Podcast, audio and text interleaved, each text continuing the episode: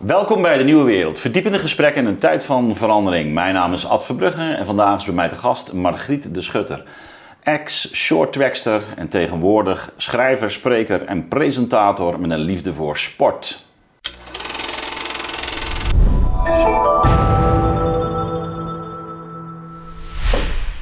Margriet, welkom. Dankjewel. Ja, heel fijn dat je deze reis hebt gemaakt vanuit het verre Groningen. en, en ook nog wel in deze weersomstandigheden. Eh, ja. Dus eh, eh, dank daarvoor. Ehm, ja, ex-shorttrackster. Ehm eh, hoe vergaat het jou deze dagen? ja, hectisch. En tegelijkertijd merk ik dat mijn sporthart weer flink begint ja, te bonzen. Want ik vind het, ja, de sport dat blijft nog steeds eh, een hele grote passie. Ja, En ja, nu Suzanne Schulting het ook zo goed heeft gedaan. En ja, de dames relay eh, goud hebben, hebben Ja. gewonnen.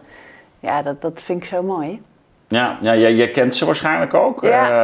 Ehm, eh, ken je Suzanne ook persoonlijk? Eh, Ja, ja ik, ik heb er niet samen mee, eh, mee Nee. geschaatst. Dat leeftijdsverschil is net te ja, groot. want wanneer ben jij gestopt? In 2010. 2010. Ja, Ja. maar nu ja, voor schaatsen.nl doe ik verslaggeving. En nou onlangs haar ouders ook nog geïnterviewd over hoe zij het als ouders beleven dat hun dochter ja, naar de belangrijkste wedstrijd van haar leven toewerkt. En, en hoe dat dan is. En eh, ja, dus in die zin ehm, ja, ken Ja. ik ze persoonlijk. En Shinky Knecht en Jara van Ja. Kerkhoff, die, eh, ja, daar heb ik mee geschaatst. Ja, Dus, precies. eh, ja.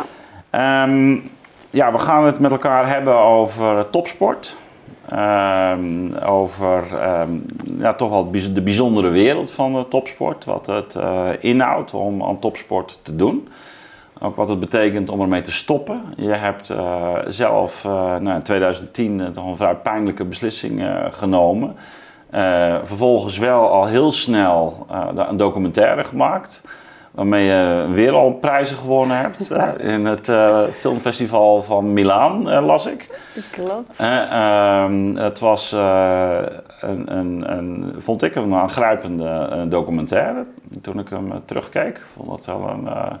ja, dat, daar, daar, daar leg je ook, geef je jezelf ook echt wel bloot in het opzicht. Dus eh, ook, ook mooi dat je dat zo kunt laten zien, kort, kort na zo- zo'n toch ja, wel ingrijpende beslissing. Dus dat eh vond ik mooi, daar gaan we, gaan we het dadelijk nog wel over hebben. Je hebt vervolgens ook boeken geschreven, die liggen er, liggen er hier een paar. Eh, deze is volgens mij van een jaar of vijftig of vier terug. Eh, Stoppen? ja, Ja. negen jaar ongeveer. Nou, oh, oh, kijk, zo, zo, eh, Ja. zo lang alweer. Ja. Ja. Oh ja, dat is waar, want je haalt ook in, in het begin ook al aan eh, stoppen en doorgaan. Verwijs je ook naar de documentaire. Klopt. Die, ja, dus het is alweer negen, negen jaar. Ja, is De- maar de- deze is vrij recent. Ja, Ja, dat is, die is begin, begin dit jaar. The Secret Balance jaar. of Champions. Dat is uit het begin dit jaar. Ja, 2021, dus Ja. eigenlijk alweer een jaar, jaar geleden. Dus die, ehm, nou, eh, in, in, in beide eh, boeken, eh, op verschillende manieren overigens, maar staat het thema wel van topsport eh, centraal. Bij stoppen en doorgaan, ja, schets je ook je eigen levensgeschiedenis. Ehm, en, en ga je in gesprek met allerlei topsporters. Nou, ehm, The Secret Balance of Champions, dat wordt waarschijnlijk, gaan we het dadelijk ook nog over hebben, handelt iets meer over ehm, de, eh, ja, wat, wat, is de, wat is eigenlijk het geheim? Eh, het, het, geheim het geheime evenwicht van... eh, daar zie, zie ik trouwens in dit boek ook al voorbeelden van. Sommigen die dat hebben, onder andere Rentje Ritsma, denk ik. Maar daar kunnen we het ook nog over hebben. Ehm, jou- jouw held, hè, dacht ik. Ja, Ja. Als, als klein meisje zag ik Rientje Ritsma op tv. Ja, En toen dacht ik, dat wil ik ook. ja dus precies. Ehm, maar laten we gewoon beginnen eens bij, jou, ehm, inderdaad bij jouw jeugd. En eh, hoe, je, hoe je in die topsport eh, uiteindelijk verzeild bent geraakt. Dus Ja. ehm, eerst maar eens beginnen. Hoe, hoe, hoe ging je schaatsen? En zo fanatiek. Ja, Ja. Nou, dat, dat begon eigenlijk als meisje, of als klein meisje, dat ik, of ik kan me herinneren dat ik heel veel jeuk had en me, me vies voelde. En ehm, Nou, ja, eczeem, dat, eh, dat ja. ontstond inderdaad door eczeem. Ik had altijd jeuk en ja, daardoor voelde ik me ook ja, niet knap. En ik dacht van, of op dat moment zag ik dus ook eh, Rientje Ritsma op tv schaatsen en uiteindelijk in het Sanex bad. En eh, de, Ja? de, Ik denk, uh, nou de, de, ouderen herkennen dat denk ik wel. Ja. En uh, ik dacht, nou, dat Sanexbad, dat niet, maar wel dat schaatsen op tv. Dan, dan ja, er zo voor gaan. Ja, dat wil ik ook. En dan kom ik op tv en dan ben ik mooi. En dat had ik toen als klein meisje, had ik dat mezelf als doel gesteld. Jij, jij, spiegelt heel veel hè, in je gesprekken. Dus het is ook voor een deel ook zelfonderzoek. Tenminste, zo lees ik je boeken. Niet dat je het alleen maar over jezelf hebt, maar je, je betrekt ook wel de dingen die je van anderen hoort. Ook op je, en binnen het stoppen en doorgaan bijvoorbeeld. Ja, ik ben er zelf niet zo bewust van dat ik spiegel. Maar wat ik wel heel interessant vind, is om, om niet oordelend te zijn. Ja. En daarin, ja, ik denk als, als medesporter is, is één blik voldoende om elkaar te begrijpen. Dus, dus wat dat betreft snap ik je vergelijking met spiegelen. Nou ja, want dan, dan, dan, lees je iets en dan, je, je, je, en dan doet het jou ook weer denken aan dingen die je zelf hebt meegemaakt. Zoals je boek bijna opgebouwd ook. Klopt, ja. Ehm, en ik denk dat je daardoor ook tot een verdieping kunt komen. Ja. Nee, zeker. Ik vond, het is ook echt met gevoel geschreven. En ik denk ook dat je bijna alleen als sporter op die manier kunt, kunt, kunt schrijven over, over deze thematiek. Want het is heel, heel erg van binnenuit ook. Um, maar nu, nu je dat zo inbrengt, hè, dus dat, dat, dat beeld van. Ik moet ook denken aan een, uh, het begin van de ethica Nicomachea, uh, de, de ethiek van Aristoteles, waar die op een goed moment, en dat is echt een klassiek beeld, de drie levens. En dan is het eigenlijk uh, de, levens, het leven voor het genot, het leven voor de eer en het, en het leven voor um, ja, de, de, de, de, de theoria, de beschouwing, de beschouwelijkheid. En ehm, eh, dat wordt ook wel eens verbonden, eh, ook, ook bij, in die Griekse tijd al, dat is echt een toppos, zo'n soort gemeenplaats, van, ja, met, met het beeld van de, van de sporter. Dus je hebt de, de, de tribune, dat is de, uh, daar zitten mensen op, uh, die, die, die zijn uh, een popcorn aan het eten, die juichen en die joelen en, die, en die drinken en die feesten. En die, dat, dat is het leven van genot. En, en dan heb je de sporters zelf, dat is eigenlijk het leven van de eer. En het, de, het, ja, dat zijn, zijn de helden, zeg maar. En je hebt degene die helemaal de buiten zijn, die het geheel slaan. Um, dat is het, de, de beschouwen, het, beschouwelijke. Uh, ja, de gladiatoren en de, de, toeschouwers eigenlijk. Ja, en, en dan dus de, de derde is inderdaad de, de, degene die, uh, uh, die het geheel aanschouwen. En dat, is de, dat zijn de filosofen. Ja. ja. Maar goed, um, je, je, hebt ook iets van dat, van dat beschouwelijke, maar je brengt die eer in. of sorry, je brengt eigenlijk die reclame in van, van Rintje. En jij bent een jong meisje. Heb, ben je dat nou bij meer van die topsporters tegengekomen? Zo'n soort beelden die ze heel jong hebben? Ik denk dat het altijd wel te herleiden is naar, ja, naar een bepaalde oerdrang naar iets. En voor de een is dat uh, puur de passie voor de sport. De ander is de, kan dat zijn erkenning. Weer een ander kan dat bewijsdrang. Uh, Kan een, een bepaalde bedrijf. Ja, een ja, bewijsdrang zijn. Mhm. Ehm, dus voor ieder kan dat een ander haakje zijn om te doen wat hij doet. En ja, dat vind ik mateloos interessant om dat te ontdekken. Waar komt dat vandaan? En, en met name voor mezelf was het ook van hoe kan het dat ik eigenlijk ten koste van, van alles zo ver kon gaan en, en, wilde gaan. Ook al gaf mijn lichaam al meerdere keren aan voor Margriet, het, het zit er gewoon niet in en meerdere blessures. En elke keer ehm, ja, wilde ik maar door, maar het, het, lukte gewoon niet. Het was gewoon, ik had moeite met diep zitten. Ik had uiteindelijk niet de juiste lichaamsbouw. Maar als je ja, zo'n. Ja, maar dat, dat komt ook in die, in die, in die uh, documentaire naar voren. Ja. Dus dat jij uh, uh, ja, eigenlijk niet de optimale bouw hebt voor, voor short track. Klopt, klopt. Ja. Maar dan uh, ja, is denk ik ook wel een combinatie van wilskracht. Als je zo graag wil. En ik had ook Wanneer wel... wist je dit trouwens, dat je niet die optimale bouw uh, had? Um, nou, ik denk dat het eigenlijk vanaf het begin al wel duidelijk was dat ik niet het talent had van, um, ja, van, van een echt een, een wereldkampioen. Uh, bij mij, sommigen die zijn dusdanig flexibel, de techniek gaat heel makkelijk. En bij mij was dat niet. Dus ik had sowieso al moeite om, om echt in die houding te komen.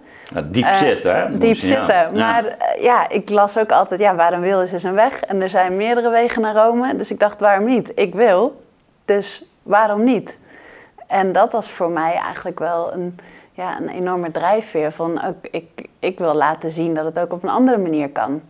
En als het dan maar met iets hoger zitten is, wat je, nou, met schaatsen moet je dus heel diep zitten om, om een zo breed mogelijke afzet te kunnen maken. En ja, dat, dat lukte mij niet. Ik kon mijn knie niet ver genoeg naar voren drukken om echt ja, in een hele diepe houding te zitten. Maar ik had voorbeelden vanuit Canada. Die waren, dat waren echt, echt grote, eh, mhm. ja, lange mensen. En die konden het ook. En die zaten ook hoger dan een Koreaan die op dat moment... Uh... Maar dat heeft dan met je enkels te maken ook of zo? Ja, Want je, en je, je kniehoek moet... en je, en je, heupen. Ja, ja, ja. Dus je moet je, je, ja, je bovenliggen moet heel laag zitten. En ja, eigenlijk, je kunt het vergelijken met als je op de wc gaat zitten. Um, ja, die houding moet je eigenlijk hebben om... Um, ja in de juiste houding te kunnen ja, ik, ik, ik, weet niet of dat bij mij nou optimaal is. ik, ik, ik, uh, ik, ik eh, doe wel eens, uh, of sowieso wel een redelijk sportief, maar uh, dat ik met, met, rekken en strekken wil ik dan gewoon op mijn hurken zitten, weet je wel. Dat ja. je, en dan merk ik ook al van bij de een gaat het, bij mij is dat altijd weer lastiger, want die moet dan inderdaad die knieën moeten ver naar voren. Om, om niet achterover te vallen. Exact. En dan gaat, of kun jij dan je, je hakken zeg maar, op de grond houden? Ja, dat kan ik, ja. Maar dat heb ik wel een beetje moeten oprekken. dat, maar dat, dat is dus, daar hebben we het over. Hè? Ja, dat was bij mij het probleem. Bij mij gaat dan mijn hakken omhoog. Ja. En, en met schaatsen kun je dat niet compenseren, want uh, je ijzer moet En dat heeft met pezen te maken en aanhechtingen of gewoon hoe die bouw zit. Nou, in eerste instantie dachten we dat het ja, mijn kuitspieren uh, waren, dat, hè, dat ik die echt moest oprekken. Um, en dat is in de loop van de jaren, is dat, hadden ieder jaar een, een, mhm. medische keuring. Dus daarin bleek ook constant van, ja, Margriet, je bent te stijf, uh, je moet meer, meer rekken. Dus dat, dat en dat deed jij dan, die oefening? Dat deed ik echt onder het afwassen. Onder iedere minuut van de dag was ik daarmee bezig. Maar het, het, het had geen effect. Ik bleef mhm. maar uh, stijf. Ja. Um, en dus dat, dat gaf ik ook elke keer terug van ja, ik... ik het schiet niet op. Het schiet niet op inderdaad. En toen zei ze, ja Margriet, meer rekken. Toen dacht ik, ja, dit heeft gewoon geen zin. Totdat ik op een deur ook tegen mijn trainer zei van, want die, die, daarvan hoorde ik constant Margriet dieper zitten. Maar ik, ik kon het gewoon niet en ik liet hem ook zien van, ja, ik doe zo mijn best, maar het, het lukt me gewoon niet. Help me alsjeblieft. Hm. En toen wist hij een uh, manueel fysiotherapeut in Den Haag. En, ja, dat, uh, dat beschrijf je ook klopt. In, je boek. En, hoe, ja, hoe, oud was je toen? Uh, toen was ik 19. Nou, dat is al heel ver in je... Ja, in je sportcarrière. Maar het punt was, op dat moment haalde ik de tijden nog wel om me te plaatsen voor, voor de internationale wedstrijden of voor de World Cups. Je moest dan bij de eerste uh, vijf A6 van het team zitten en dat zat ik. Dus ja, dan, dan zit je erbij. Dus dan uh, is dat geen reden om te zeggen van uh, je hoort er niet bij bij. Maar dat was wel een punt ja, waar ik aan moest werken en, en wat gewoon opgelost moest worden, wilde ik die volgende stap kunnen maken. En zo kom ik bij die manueel fysiotherapeut in Den Haag.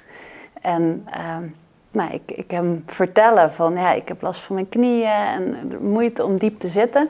Ja.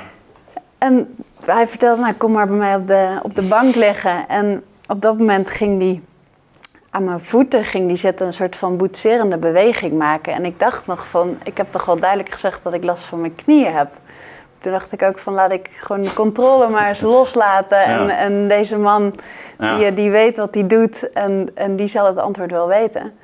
Totdat hij opeens uh, nou ja, tijdens het, het soort van boetseren van, van mijn voeten opeens stil werd. En dat hij zei van Margriet, met deze voeten, met deze lichaamsbouw, jouw gewrichtjes in jouw voeten zijn zo stijf. Jij kan amper lopen, laat staan schaatsen.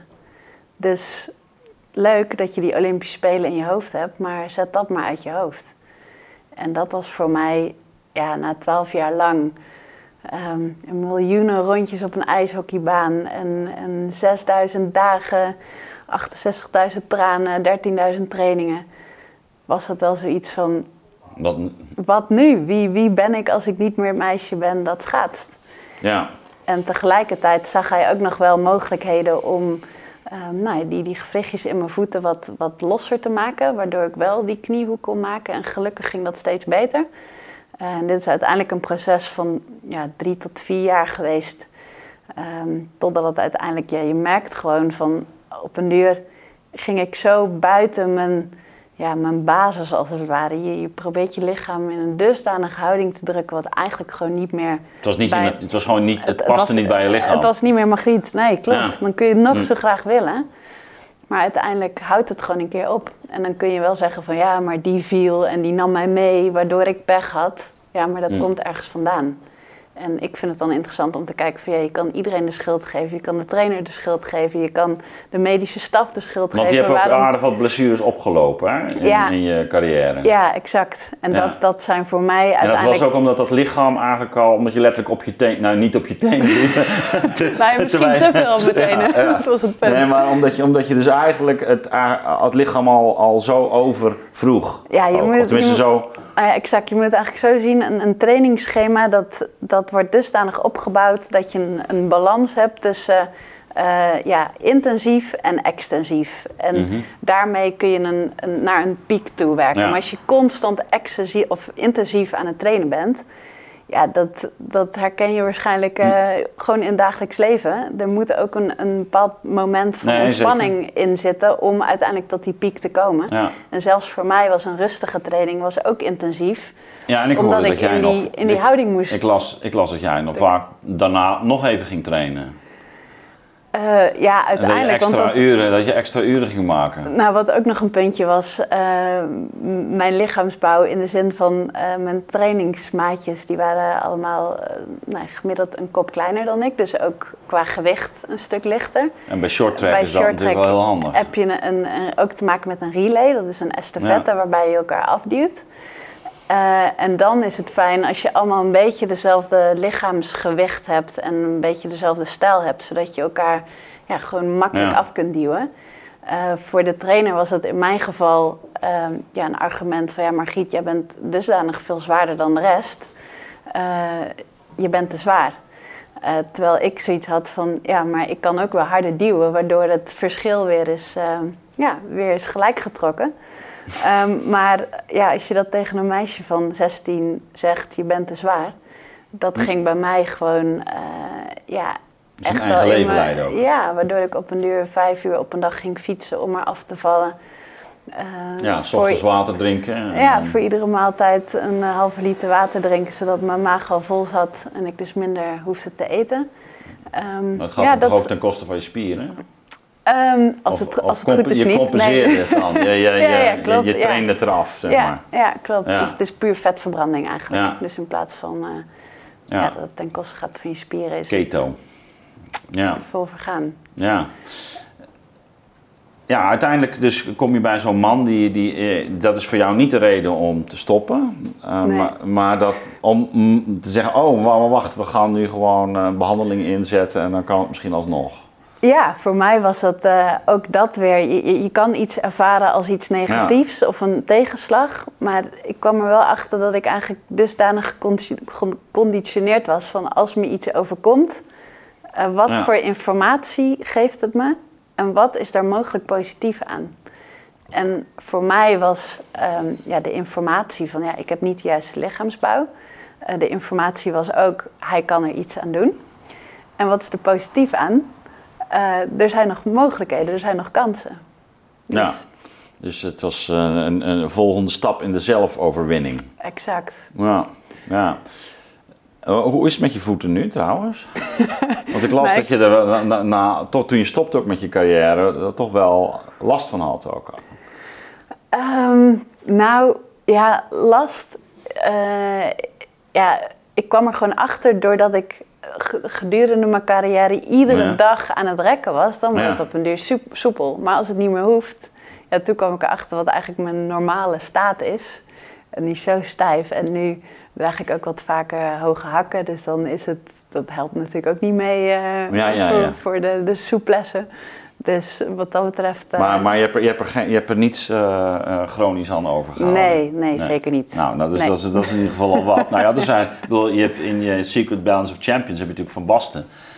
die natuurlijk wel heel duidelijk zijn, zijn fysische grenzen heeft Ja. overschreden. Ja, en, en daar nog, gewoon nog steeds volop last van heeft. Absoluut. Ja. Ehm, ja, wat, wat fascinerend is, is dat, dat je bij jou echt uh, die, die uh, enorme wilskracht ziet. Je, je haalt ook uh, um, Erben Wennemars aan, trouwens. Die, die, die, die schijnbaar ook niet de optimale constitutie had, maar die ook echt op wilskracht zo'n eind komt. Hè? Is, en bezeten zijn van de ja, sport. Ja, bezeten zijn van de sport. Ja. Ja, ja, nee, dat zie je ook. Dat is ook leuk aan hem trouwens. Uh, is, maar is, is schaatsen ook echt zo'n trainbare sport? Dat je echt je zegt van, nou, als je echt wil, kun je, ook al ben je lichamelijk niet optimaal, kun je toch een heel eind komen. Ik bedoel, Wennemars is natuurlijk ook gewoon een kampioen. Ik bedoel...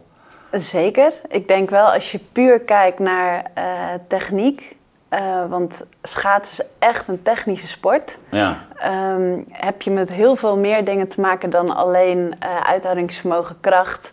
Ik denk wat dat betreft dat wielrennen of bijvoorbeeld roeien trainbaarder is. Ja, ja. Okay. Dus dat dat puur, als je daar echt de juiste wilskracht hebt, de juiste kracht.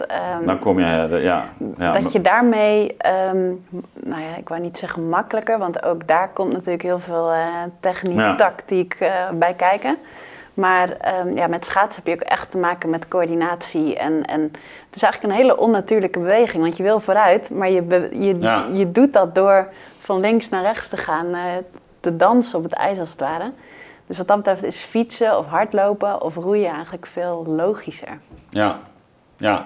Maar, maar, maar goed, je, het is in ieder geval wel zo dat als je ook die andere, hè, die techniek wel enigszins op orde krijgt en je, en je bent bereid om heel ver te gaan, dat je, dat je dus ook toch een behoorlijk eind kan. Je hebt wel talent nodig natuurlijk, maar dan kun je het ook, ook al is je fysieke conditie niet optimaal, dan kun je, uh, kun je het toch heel eind schoppen.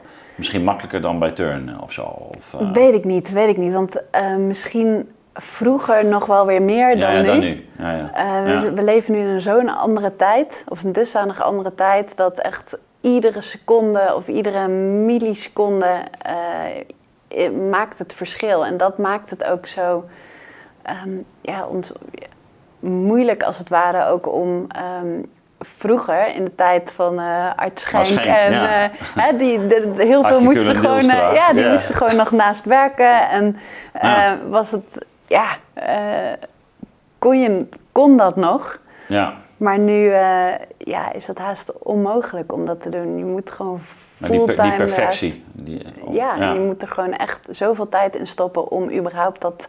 om die kleine verschillen... Hoe, hoeveel uren in de week was jij ermee bezig? Uh, eigenlijk fulltime. Want, ja? Uh, want je deed ook heb... nog school en zo, hè? Dus, ja, klopt. Een opleiding? Uh, ja, tot anderhalf jaar voor de Spelen van Vancouver heb ik nog internationale communicatie daarnaast gedaan. Ja. Dus wat dat betreft niet fulltime, want ik ja. wil inderdaad mijn hersenen op een andere manier ook, ook mm-hmm. doorontwikkelen. Um, maar op een duur, ook al ben je er niet mee bezig, dan nog ben je er mee bezig. Het is gewoon een complete lifestyle. Ja. En uh, als je rust, is het ook ten bate van, van je, je prestatie. Um, maar bij schaatsen is het bijvoorbeeld ook dat je, ja, tegenwoordig is er ook een, een staf eromheen die uh, materialen doet. Maar um, ja, in mijn tijd deed ik ook uh, schaatsen slijpen. Um, dus je materialen zelf doen. de trainingen, s ochtends een training, smiddags twee trainingen. Om tussendoor eten, rusten en weer voorbereiden voor de volgende training. Dus eigenlijk je hele dag staat in het teken van ja, het presteren. Ja, ja. Op een, op een bepaalde manier eh, doet mij die topsport ook vaak wel een soort monnikenbestaan denken. Alsof je eh, toch heel erg ook afgezonderd bent van de normale wereld. Een eigen um, ja, cultuur hebt, zoals de monniken dat natuurlijk ook uh, hebben.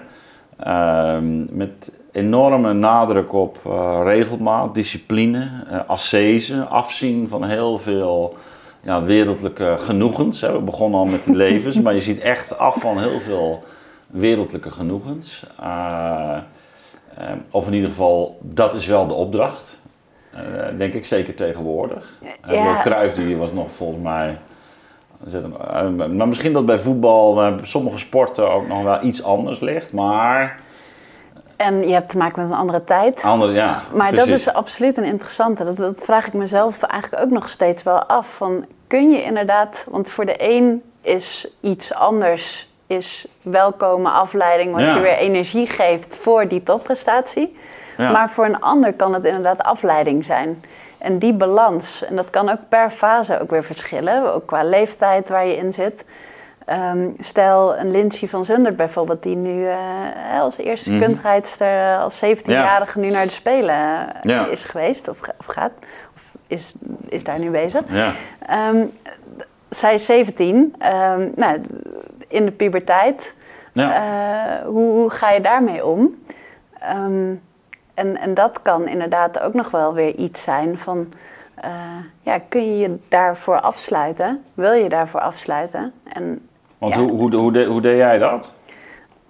Eh, we hadden in april, dat is dan de rustmaand, zeg maar, voor een schaatser. Dus, De maand eh, april. De maand april. Dus je Aha. hebt dan je werk toe naar het einde van het, van het seizoen. Dat is tot en met eind maart. Ja. En dan in april is je rustmaand. En dan vanaf mei, dat, dat weten veel mensen denk ik niet, maar vanaf mei begint het leven van een schaatser weer. Dan bereid je je voor voor eh, ja, het seizoen wat in eh, september, oktober weer begint. Maar dan begin, dan begin je met eh, fietstrainingen oh, en op de baan. En wat, wat doe je allemaal? Ja, zelfs in de zomer is het nu ook op het ijs. Dus Oh zowel fietsen, krachttraining, looptraining, ja, droogtraining, zo heet dat dan. Ja. Dat is dan ja, schaatsoefeningen op het droge. Mhm. Maar dus ook op het ijs. Dus ja, ook, de, ook de ijstrainingen in de zomer. Ja. En, en, maar dan is het niet eh, gaan stappen op vrijdagavond. Eh, nou, dat kun je wel doen, maar dan kom je al snel achter dat je dan eh, in de trainingen gewoon tekort komt. Ja. En dan word je gewoon genadeloos afgestraft. Dus dan is, die, is dat genot van zo'n korte duur, dan word je gewoon afgestraft. En ehm, als je gewoon een doel hebt en ergens voor wil gaan, ja, dan, dan weegt dat kortstondige genot van die avond weegt niet op tegen je uiteindelijke doel. Ja. ja, en wat, wat waren nou eh, voor jou dan in, in zo'n fase dan de, de kickmomenten? Want je ziet dus heel veel af. En dat is ook overeenkomst met de monnik, denk ik. Eh, Dus, eh, Dankjewel Althans- voor die vergelijking. nou ja, is, ja, is, is die nooit eerder door je heen gegaan? nou, ik kreeg heel vaak wel te horen inderdaad van... Margrietje, vergroot je jeugd. Wat doe je Nou, allemaal? dat zeg ik niet, maar het is... Het is Nee, maar ja. die, die vergelijking maak ik dan eventjes. Ja, Eh, maar ja, het, het, het is denk ik de hele reis naartoe. En het is denk ik ook, als je niet weet wat je mist, dan mis je het ook niet. ja, Nu ik eenmaal gestopt ben en weet wat een andere manier van ehm, genot is... ja.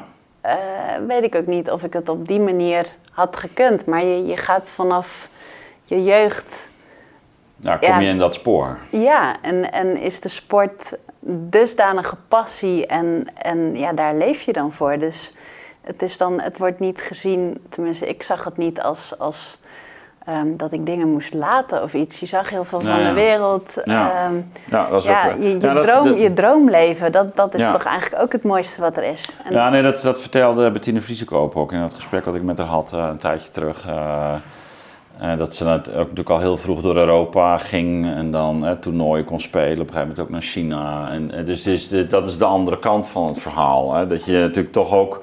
Het, je, je, je, je gaat toch ook tot een soort elite behoren. Wanneer het gewone volk. en, en wij hebben een, ja, een iets ander leven, wat, wat ook wel bijzonder is of speciaal. En, en, en, ja.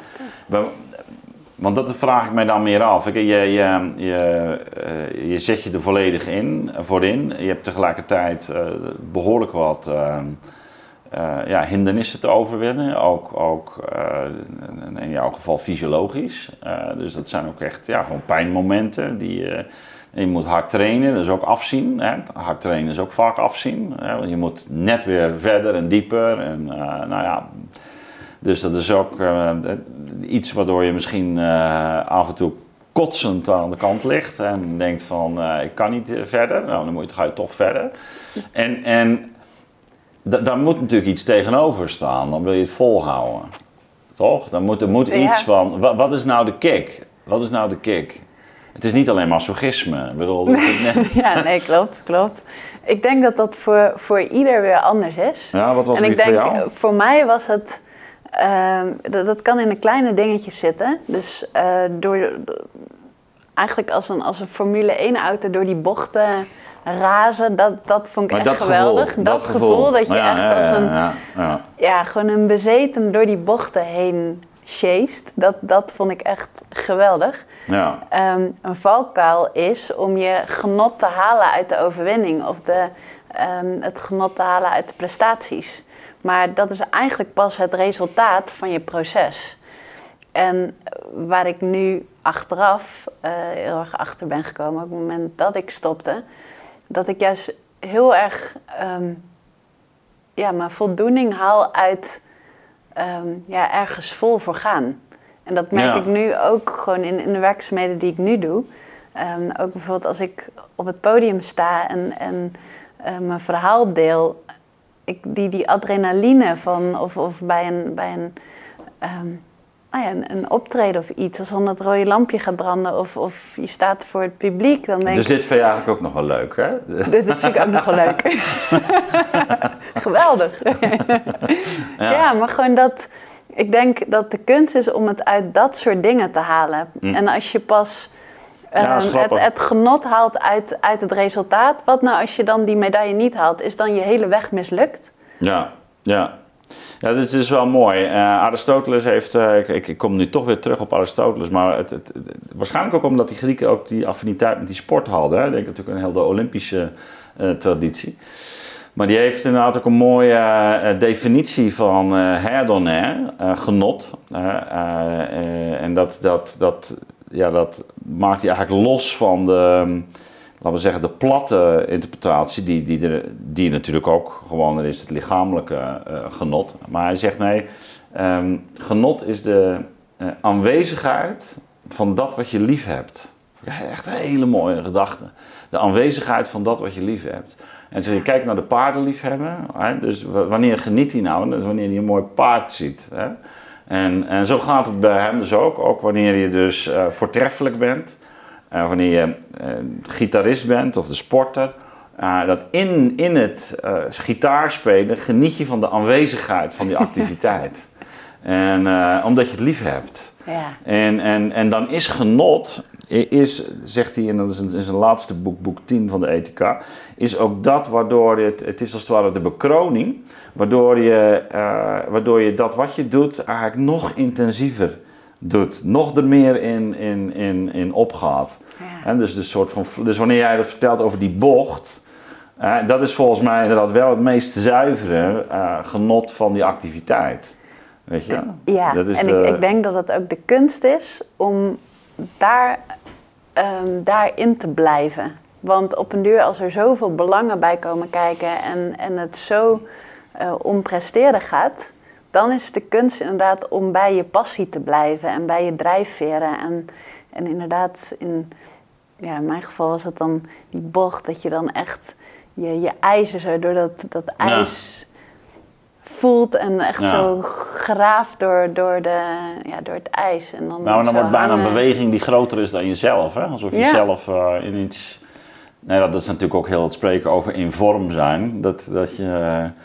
Ja, dat, je, ja, dat je in iets zit waarvan je denkt van dit is hem. Ja, of zo. Ja. ja, klopt. Ja, ja, ik ben geen topsporter, maar ik wil wel op een redelijk niveau sporten bedreven. En ik, en tafeltennis. Ik, onder andere, ja, tafeltennis. Ik was ook skateboarder en uh, dat soort. En dan kun je ook gewoon je dag hebben of zo. En, en uh, windsurfer later, dat hoorde een beetje bij die ethisch, ben ik ook gaan doen. Ja? Dus ja, ja, ja, ja zeker. Maar, maar tafeltennis heb ik, dat, zelfs daar, of niet zelfs daar, want dat, klinkt, dat ziet er minder spectaculair uit dan, dan, dan surfen. En veel op de zee, in Zeeland natuurlijk, en, en, en skateboarden en de halfpipe. Maar eh, dan ziet tafeltennis een beetje suf uit. Maar eh, ik kan nog steeds echt genieten van, uh, want dat doe ik nog steeds, van die Ehm, als, als je dus eh, in de beweging zit, dat je op een gegeven moment. Dat, dat, dat ja, maar waarom zie je het er suf uit? Nou, dat, dat, omdat het, het is. Het is nou ja, weet ik niet. Dat is vaak toch wat je hoort. Dat is vaak wat je hoort. Is dat zo? Ja, dat hoor, ik, hoor, hoor je nog wel eens. Dus ik vind het helemaal niet. Ik vind het er mooi uitzien hoor. Dus, dus, dat is ook niet mijn, uh, mijn bevinding. nou, gelukkig, gelukkig, gelukkig. maar, maar hoe ik zei, maar dan, dan, dan, zit je dus soms ook in dat, in dat, in dat ritme. En dat, dat is heel, een hele gave ervaring. Ja. Ja. Lijkt me ook haast wel een soort van meditatie. Ja, dat, is het, dat, dat, dat heeft het. Maar dat, dat denk ik, dat is bij jou dan toch als je, als je als het, als het lukt, dan voelt het toch ook als een soort van... Ja, Aristoteles noemt dat dus weer energia, dus energie. En, Ja. en dat is eigenlijk het woord dat we hem te danken hebben. Ja. En dat is geen beweging meer, dat is een activiteit en rust. Dus dan, is het, dus dan, dan beweeg je wel, maar het is een energia. Ja, Dat is een, een ehm, ja goud. ja, mooi, mooi is het hè? Ja, absoluut. Ehm, ja, je, je, je, je, je raakte er zo even al aan, hè? dus de, de, ook de verandering in de, in, in de sport. Nou, je hebt met, met heel veel mensen gesproken eh, door de jaren. Je hebt eh, nou ja, dit, dit recente boek ook met allerlei internationale sporters eh, gesproken. Ja, een paar dingen die mij opv- opvielen. Ehm, ja, inderdaad grote verschillen tu- tussen, tussen mensen. Ik, ik, ik noemde hem zo even al, Rintje Ritsma, nou, die wij natuurlijk allemaal kennen.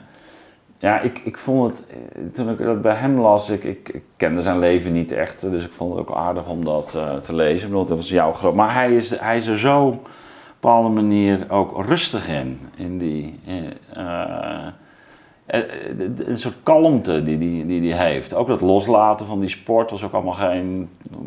Wat, wat was jouw ervaring met, toen, je, toen je met hem sprak? Eh, sowieso heel bijzonder, omdat het inderdaad Ja. vanuit vroeger mijn grote held was. Dus Ja. heel leuk om, om gewoon eens, ja, eh, Wa- waarom trouwens nog even, waarom ben je niet eh, gewoon lange baanschaatser geworden? En waarom short track? En wel, Nou, de hij- sport short track vond ik zo qua, qua ehm, spectaculariteit en, Ja, ja, en de snelheid. En dat, dat vond ik gewoon qua spektakel. sport. Ja, het spektakel vond ik fantastisch. Maar eh, voor, ja, voor je lange baanschaatsen moet je ook diep zitten. oh, dat, is- dat maakt er niet uit. Dat maakt niet uit. Nee. Maar Marientje dus. Die, eh, ja. Ja, nee, ik vond het heel leuk om, om hem te spreken en, en daarin hem gewoon als... Hè, ik zag hem eerst als held en dan opeens als, als mede-topsporter te spreken. Dat was gewoon Ja. een hele bijzondere ervaring. Eh, en ehm, wat, wat me bij hem heel erg opviel, dat als ik de vergelijking met mezelf mag maken... Bij hem was het heel erg plezier en, en hij deed eigenlijk alles omdat hij het leuk vond. Dat vond ik Ja. heel belangrijk. Alles moest leuk zijn. ja. En ik was juist heel erg bezig met, ik moet de perfecte topsporter zijn. En ik had ooit een keer gelezen dat hij ehm, voor iedere wedstrijd droge spag- spaghetti at. Zonder saus en alleen maar met, met bouillon bijvoorbeeld. Mhm. Dus ik dacht, oh, dat doet een perfecte topsporter. Dus dan moet ik dat ook doen. Maar daardoor was ik eigenlijk Margriet verloren. En dan achteraf gezien, in retrospect, was ik niet meer mezelf. Waardoor je eigenlijk ja, een bepaalde ja, topsporter wordt... in plaats van dat ik Margriet was gebleven. Is hij in, in dat opzicht, eh, zeg je dan gewoon van meter van dichter bij zichzelf gebleven altijd? Bij wat ja, hij deed? dat denk ik wel. Ja, ja zeker. Ja. Ja, nee, het viel me ook op hoe die er. eh, oh, en, en, en toch met een soort focus, eh, maar wel op de goede momenten. Ja. even, hoe je beschrijft dat hij dan een week voor een, voor een toernooi.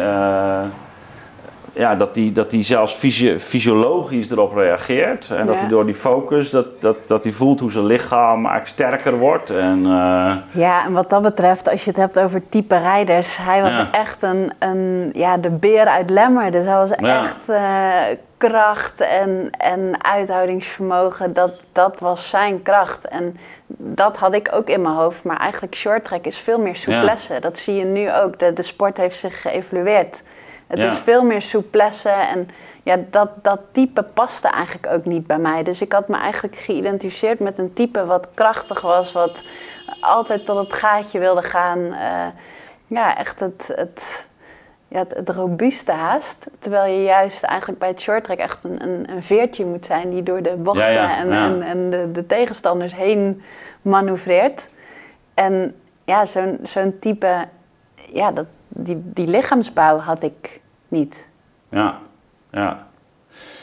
Nou, bij hem zie je dus wel dat hij er heel veel plezier in heeft. Ehm, dat geldt zeker niet voor eh, alle mensen die, eh, die je in je boek eh, spreekt. Ehm, Maar wat is ook plezier, hè? Dat vind ik ook wel een interessante. Want, Nou ja, dus, dus, dus ik denk dat wa- wat je nou net vertelde over, over die bocht. En dan komt weer dat genot van gewoon, gewoon het, het leuk vinden Ja. om dat te doen en het, het eventueel steeds beter te doen. Maar gewoon als een, als een doel in zichzelf. En, Ja. en je hebt toch wel heel erg het gevoel, je had het over dat onderscheid tussen nou ja, de activiteit en de prestatie. Maar dat, dat die druk van de prestatie, dat die, dat die toch bij heel veel mensen die jij eh, spreekt, toch wel. Nou ja, en in dit boek trouwens eh, zie je dat, dat ja, eh, 45% van de topsporters, ik vond het echt eh, Olympische topsporters, met, met angstproblematiek kampt. Klopt. Ja, dat, dat- is toch niet, dat, is, dat, dat is toch niet meer gezond, Ja. denk ik dan. Nee, maar Ja. dat is absoluut een reden eh, voor medeschrijvers Vincent Goetebars en eh, Gino Kerkhoffs en ondergetekende ook geweest van dit vinden we zo belangrijk dat dit bespreekbaar wordt gemaakt. Ja, Eh, dat we de mentale en de fysieke gezondheid, de, de, eigenlijk de, ja, de patronen die we ontdekken en die zij in de, in de praktijk in het ziekenhuis ook, ook ja, in het dagelijks leven zien. Ehm, om dat in een boek te vatten en dat gecombineerd met praktijkverhalen. Dus zij waren verantwoordelijk voor de acht wetenschappelijke hoofdstukken in het boek. ja want, het, En- want angst natuurlijk, eh, heeft ook een enorm fysiologisch effect. Ja, absoluut. Het is, het, het is één. Ja, Dus wat dat betreft eh, ja, kun je het niet meer loszien. En dat is ook wel echt een, een, ja, een soort van innovatie wat gaande is. Dat vroeger werd het echt nog wel gezien als, als taboe, het mentale ja stuk. dan, eh, een beetje En- de softies. Ja. Van, maar komt, komt dat toch door dat, dat martiale karakter van de sport? Zo van eh, niet, eh, niet zeiken, gewoon Ja. knokken en eh, ervoor gaan. En, Deels, maar tegelijkertijd ook van... stel, wij zouden tegenover elkaar staan en jij moet van mij winnen, ik van jou. Ga Ja. jij op zo'n moment je kwetsbaarheden tegen mij vertellen? Nee, dus, dus ja, ja als, het is alsof, alsof je je eigenlijk al blootgeeft. Exact. En je bent eigenlijk als topsporter word je geconditioneerd om niet je kwetsbaarheden op tafel te leggen, want dan word je daar letterlijk op gepakt. Dus eigenlijk, ehm, ook al voel je je onzeker, ook al voel je je niet ready of, of ben je ergens, ehm, heb je een, een zwakke plek, ja, dat wil je maar niet tonen, want dan word je daarop gepakt. Had, had jij dat ook, dat, eh, dat onderscheid zeg maar, binnen-buiten? Je, je refereert er op een gegeven moment aan, naar aanleiding van een, eh, een eh, interview in, in, in, in, je, ehm, in je documentaire die je gemaakt hebt. Dat je op een goed moment eh, eh, te gast was in, eh, was het bij... ehm, het, het- het- Ik denk Arie Boomsma. ja, het was bij Arie Boomsma. Ja. Die dan een vraag aan jou. En jij zit te, lachen in beeld. Ja. En, en eh, je zegt, ja, ik kon helemaal niet, ze- ik kon Ja, niet was- zeggen wat er, wat er met me Nee, dat was inderdaad op de dag dat eh, ik mijn vijfde blessure had in, eh, in twee maanden tijd. Het was in het Olympisch seizoen. Ehm, we moesten ons plaatsen voor de Olympische Spelen als team. En vervolgens van de acht meiden mochten er vijf naar de Spelen. Dus als je als Nederland geplaatst had, eh, dan nog moest je intern Die selectie maken. die selectie maken. En Ja. ja, op dat moment, eh, die ochtend, schoot mijn schouder uit de kom. Ik was gevallen. En eh, ja, was voor mij eigenlijk wel duidelijk, dit gaat hem gewoon niet meer worden. En ik zat nog zo in gevecht in mezelf van, oké, er is nog van alles mogelijk. Is ook best meerdere- pijnlijk, hè? Schouder uit de kom. eh, ja, en het was ook niet mijn eerste keer. Het was eh, denk ik de zevende keer dat het gebeurd was. Ja. Ehm, dus ik zat, ja, tijdens die uitzending had, zat ik nog zo in gevecht voor mezelf van, eh, ik moet nu toegeven dat ik het niet gehaald heb, maar tegelijkertijd voelt het als falen. Eh, misschien gebeuren er nog wonderen. Ehm, ja, gewoon het, het opgeven zit gewoon niet in je als Ja, dus, dus je laat Dus- op dat moment ook, ook eh, niet enige twijfel zien. Nee, Ja. nee. En ook dat je juist heel erg, tenminste als ik dan terugdenk aan die uitzending, kan ik me ook herinneren dat ik zei van ja, het, het, het is heel erg belangrijk, de weg ernaartoe, dat is het belangrijkste in plaats van de resultaten. En dat is heel mooi gezegd en Ja, maar dat zeg je nu ook. dat zeg ik nu ook maar. En, en het, het is ook echt gewoon zo, want hoe jammer is het als je gewoon je hele leven daarvoor opoffert en je laat je geluk afhangen van eigenlijk maar twee minuten. Ja, nou, ik vond het wel interessant toen, eh, toen ik jou vroeg van wat, wat, wat geef je nou het meeste voldoening? Of, of hè, de kick, dat je... Je hebt waarschijnlijk ook een enorme reeks medailles en, en bekers gehad. Hè? eh, maar dat is niet het eerste wat je noemde. Nee, en dat vond ik ook heel interessant in het eerste boek Stoppen en Doorgaan. Uh, dat was, heb ik in een fase geschreven, dat was twee jaar eigenlijk nadat ik gestopt was. En toen zat ik bij mezelf nog best wel in een zoektocht van... Ik heb mijn doel niet gehaald. Ik, heb, hè, ik had die Olympische Spelen, dat was ook mijn droom. Maar in hoeverre is dat nu anders? Of in hoeverre stop ik nu anders dan mhm. bijvoorbeeld een Rintje Ritsma of een Pieter van Hogeband of een Yvonne van Gennep die hun de doelen en dromen wel hebben gehaald? En toen kwam ik er eigenlijk achter dat het helemaal niet heel veel verschil maakt. Ik vroeg hm. hen ook van, goh, wat mis je nu het meest? Of wat staat je het meest bij? Ja. En wat zij toen zeiden van, ja, de, de moment in de kleedkamer. Of um, er vol voor gaan. Of een doel hebben. Terwijl ik inderdaad ook dacht van ja, dat is dat moment dat je op het hoogste schavot staat en dat je die gouden medaille omkrijgt. Of Want dat, je was wel, dat, was wel, dat was ook wel een soort beeld dat je, van die, die gelukzaligheid. Zeker. ja, daar, hoewel, daar doe je het voor, zou je zeggen. Ja, hoewel dat er natuurlijk ook bij kan horen. Ik bedoel, we hebben natuurlijk allemaal gezien hoe, uh, hoe Max Verstappen zijn overwinning behaalde. En uh, die familie en die vader en, en, en hij zelf natuurlijk, ja, dan is dat... Is, dan heb je het ook bereikt. Nu, nu wordt wel de, de, de vraag natuurlijk, wat, wat is dat? Daar zijn, dat leven. dat, dat, is, meteen ook weer een hele interessante, want dat, dat merkten we.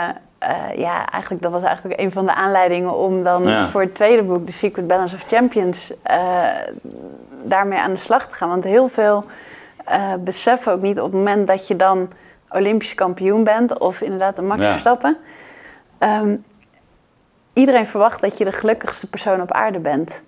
Maar wat als je dag in dag uit geleefd hebt voor dat doel mm. en je hebt dat doel opeens bereikt? Dan valt dat doel dus opeens weg, want je hebt het al gehaald. En hoe ga je daar dan opeens mee om? En dan komt er opeens zo'n, uh, ja, qua identiteit in je hoofd van, hoe ga ik hiermee om? En, en nu hoor ik toch blij te zijn, maar eigenlijk ben ik zo, zo in disbalans als ik weet niet wat. Want mijn mm. doel is opeens weg. En uh, tuurlijk is er die blijdschap, maar tegelijkertijd ook onzekerheid van hoe nu verder. En heb ik nu nog wel die Olympische droom die ik altijd had en wat heel erg veilig voelde.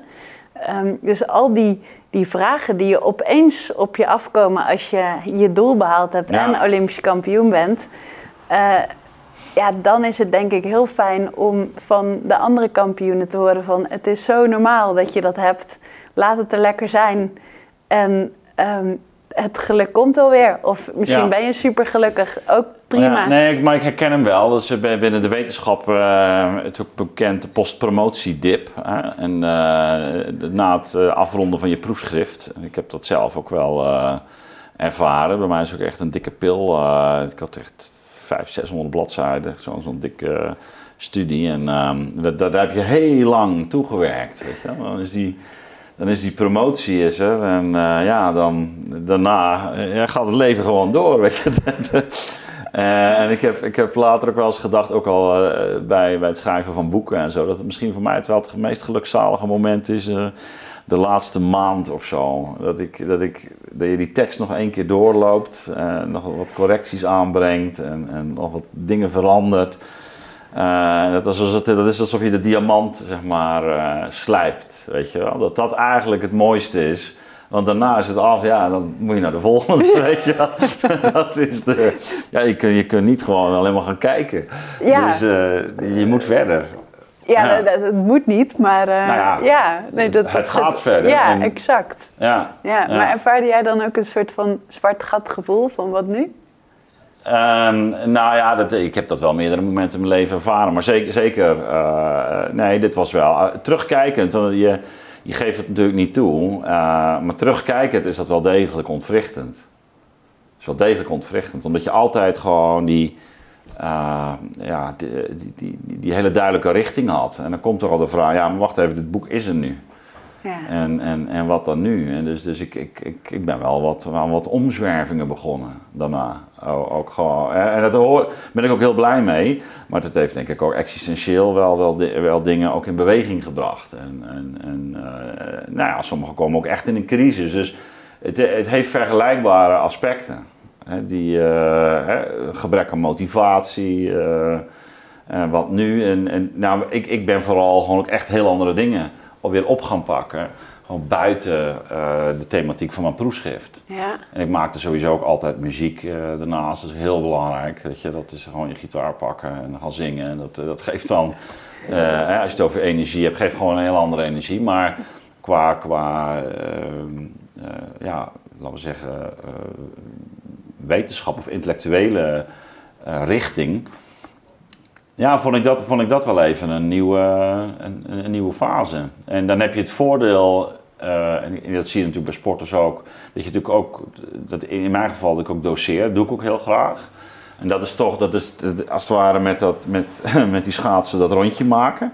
Van gewoon de kick om iets gewoon goed uit te leggen en, en weer die gedachten van een ander uh, of van mezelf uh, terug te halen. En dat gewoon ja, dat, dat vind ik nog steeds een van de mooiste dingen die, die, die, die, die, er zijn. Ja. Gewoon een, uh, ja, laat mij maar gewoon een paar uur praten over. Uh, en, en dan kan ik weer heel enthousiast worden over, en over die dingen die, waar ik in mijn proefschrift ook al enthousiast over werd. Weet je?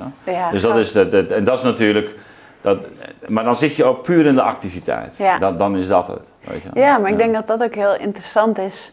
Van uh, wat voor gevoelens je ook ervaart in zo'n transitiefase, Ja. want zo kunnen we het denk ik wel noemen. Van ga je ermee in gevecht of neem je gewoon zoals het is Ja. en eh, omarm je het gewoon. En dat, dat vind ik bijvoorbeeld van eh, judoka Mark Huizinga, ook Ja. een van de, de sporters in het boek. Die omschrijft ook heel mooi, vond ik, van zijn, zijn transitie van moment dat hij zei van ik stop. Ehm, voor die tijd was hij echt op zoek naar de vrijheid en dacht hij, oh, Ja, dit, dit ja. is, Ja. nu gaat het komen. Maar op het moment dat die vrijheid er was, wist hij eigenlijk niet wat, er, wat hij met die vrijheid aan moest. Maar in plaats van dat, eh, hè, dat je dan jezelf labelt aan, ik ben die sporter die in een zwart gat zit, eh, had hij zoiets van, eh, dit is informatie, ik wil het onderzoeken, dit is een avontuur. Ja, ja. Ehm, laten we het aangaan. Kom maar op. ja. Ik, eh, Ja, ja, ja je opent eh, di- di- dit boek ook met, met die, dat mooie Franse gezegde uh, partir c'est mourir un peu. Hè? Dat is de... dus nou, dat denk ik heel terecht, want we hadden het net al over de liefde. Hè? Dus de, de liefde voor, voor de sport of de liefde voor de, de filosofie. Want daar zit het woord liefde zelf al in. Ehm, en maar dat, dat, eh, dat stoppen bij een sporter is natuurlijk ook echt eh, st- st- stoppen met een way of life. ja, En, en alsof je een, een, een huwelijk verbreekt, zeg maar. Alsof Ja. je gaat scheiden van, van een, ja, een levens, een, een, soort bestaan. ja, daar kun je het inderdaad mee vergelijken. Je kan het ook vergelijken met eigenlijk een, een bepaald rouwproces. Ja, Eh, wat ik merkte op het moment dat ik stopte, dat ik van heel veel mensen te horen kreeg van ja, je stopt met je hobby, wat is het probleem? Hmm. Maar ik had ook zoiets van ja, ik, ik neem afscheid eigenlijk van mijn beste maatje topsport. Nou ja, Dus van, een- eigenlijk- van een deel van jezelf. Ja, en het is inderdaad een lifestyle Ja. en inderdaad eh, een bepaalde kan dat niet- identiteit. Hobby, dit is toch geen hobby meer? dat is toch geen hobby meer? Nee, het is inderdaad Ja. ja. een bepaalde identiteit die je zelf hebt eh, ja, gekenmerkt, als het ware. En ja, wie, wie was ik als ik niet meer het meisje ben dat schaatst? Ja. Ehm, maar ja, dat, dat je daarin denk ik ook gewoon wel, wel ja, hele mooie dingen eruit kan halen. Gewoon hele interessante informatie waar je juist weer mee verder kunt.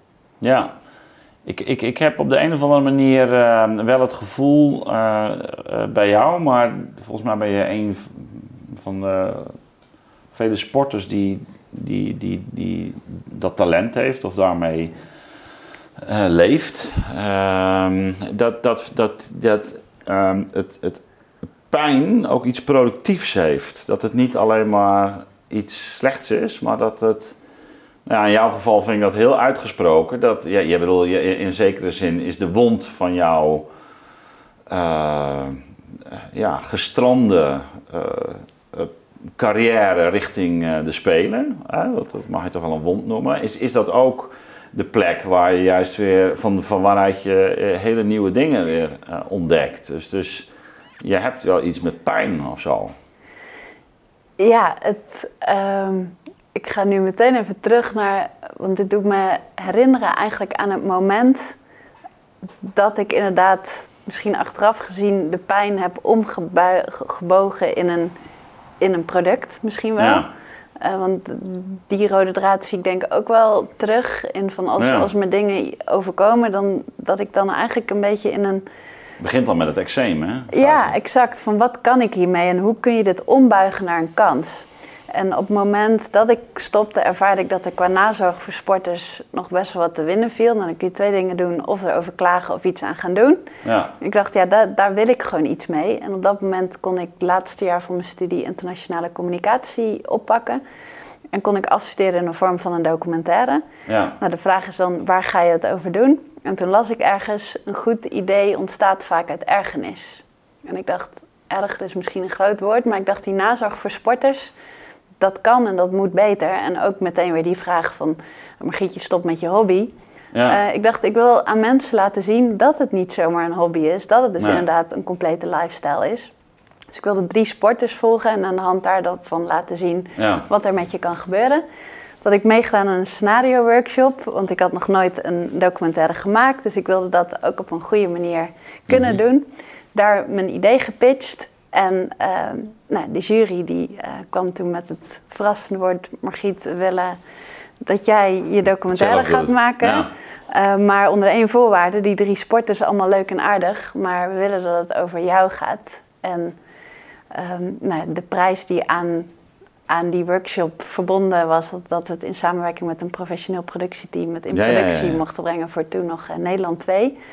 En toen uiteindelijk met eh, Tom Verheul en Ismaël Lots eh, het mogen maken. Maar uiteindelijk ja, was dus de vraag, ja, wil ik het wel over mezelf? En zo ja, hoe Nou ja. ver ga ik dan? Maar dus, dat werd je eigenlijk in, in de maag gesplitst. Nou ja, absoluut. Maar Ja. wat, wat mij toen heel erg is bijgebleven, dat een, studiebegeleider, omdat het dus een afstudeerproject was, die zei Mhm. van Margriet, één ding. Als jij ambities hebt om wat in de media te gaan doen, ehm, ga, laat die documentaire alsjeblieft niet over jouzelf gaan. Want één, je geeft jezelf bloot, dus dat wordt altijd tegen je gebruikt. En twee, waarom ga je het doen over een mislukking? Want je hebt je doel toch niet, niet behaald? En toen dacht ik, wow, ik heb mijn doel niet gehaald, dus, Mm. dus ik ben mislukt. Ja. En dat kwam toen eigenlijk dusdanig wel hard aan dat ik dacht, ja, en dit is dus juist waarom ik het graag zou willen doen, want het moet dus altijd maar goed gaan. En ik dacht, iedereen heeft toch wel zijn issues en dat wil ik juist laten zien. En dan niet in een verwijtende vorm, maar meer van, ja, hoe heb ik het beleefd? En iedereen maakt wel dingen mee, maar dan is de kunst van wat voor informatie kun je eruit halen en hoe kun je dat ombuigen naar een kans.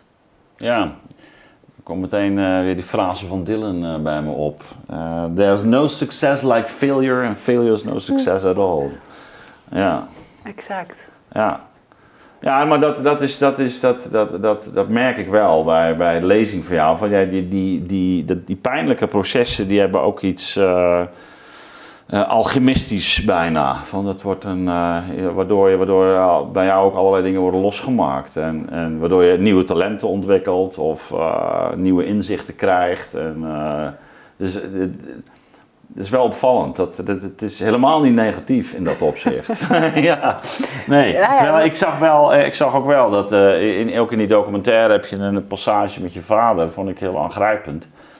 Eh, ook, eh, ik vond hem daar ook wel heel kwetsbaar in, eerlijk gezegd. Mo mooie, ja, een soort stil- stille betrokkenheid ergens. Ook om, ja, een soort, maar ook dat die connectie, eh, of dat contact tussen jullie op dat punt. eh, ja, alsof je elkaar wel begreep, maar dat, dat hij ergens ook moeite had met die weer. Hij dacht van dat is niet goed voor, voor, voor, voor dat meisje. Ja, of zo. klopt. Toch? Klopt. Van dat hij dat, dat, dat, dat. Hij zag het helemaal niet zo zitten dat jij die topsport in ging. Van, zeker niet dat short track. Dat, Nee, eigenlijk zag hij van inderdaad begin af aan al van...